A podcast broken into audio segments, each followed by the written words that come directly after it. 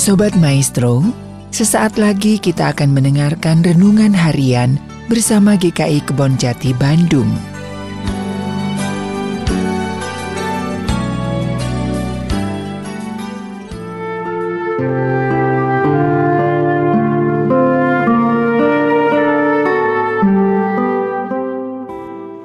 Salam sejahtera saudara yang terkasih dalam nama Tuhan kita Yesus Kristus. Bertemu kembali dalam program Renungan Harian GKI Kebun Jati.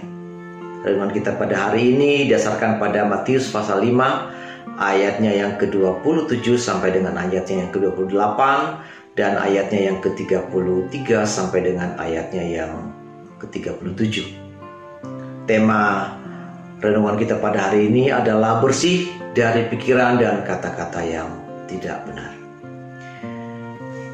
Bapak Ibu yang terkasih dari rangkaian khotbah di bukit di dalam Matius pasal yang kelima sampai dengan pasal yang ketujuh kita mengetahui apa-apa saja yang perlu dibersihkan di dalam diri kita.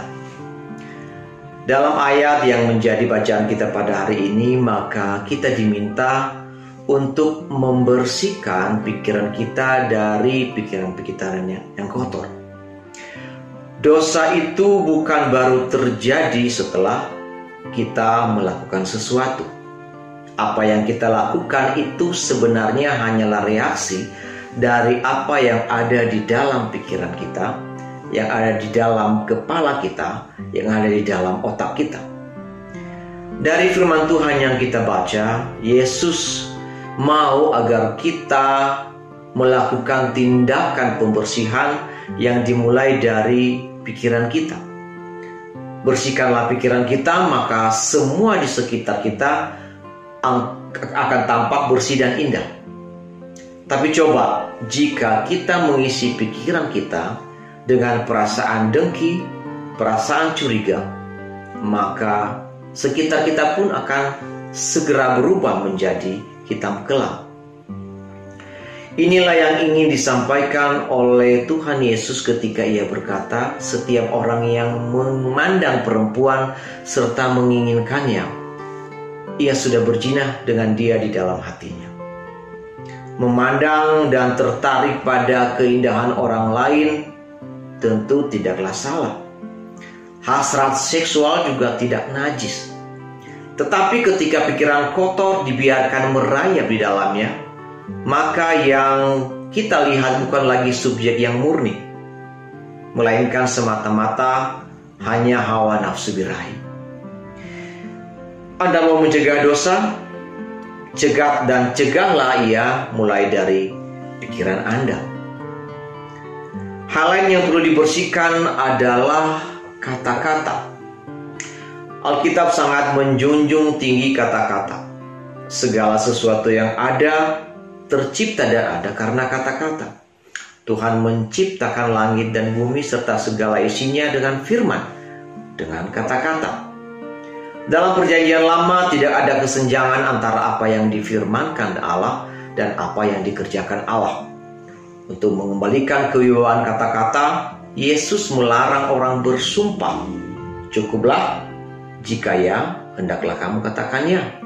Jika tidak, hendaklah kamu katakan tidak. Kata-kata adalah alat komunikasi yang paling vital ketika manusia menjalin relasi dengan sesamanya.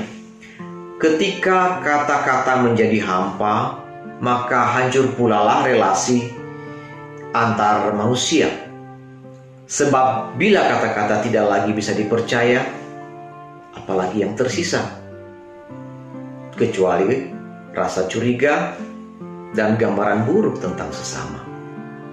Maka jadikanlah perkataan kita menjadi kata-kata yang menjadi berkat, sehingga terjalin persahabatan, penghiburan, serta menjadi kekuatan, dan bukan perselisihan, permusuhan, bahkan percideraan. Seperti yang tertulis dalam Yesaya pasal yang ke-50 ayat yang 4a, Tuhan Allah telah memberikan kepadaku lidah seorang murid, supaya dengan perkataan aku dapat memberi semangat baru kepada orang yang letih dan lesu. Amin.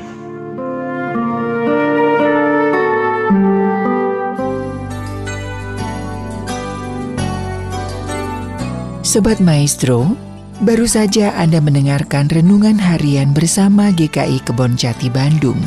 Tuhan Yesus memberkati.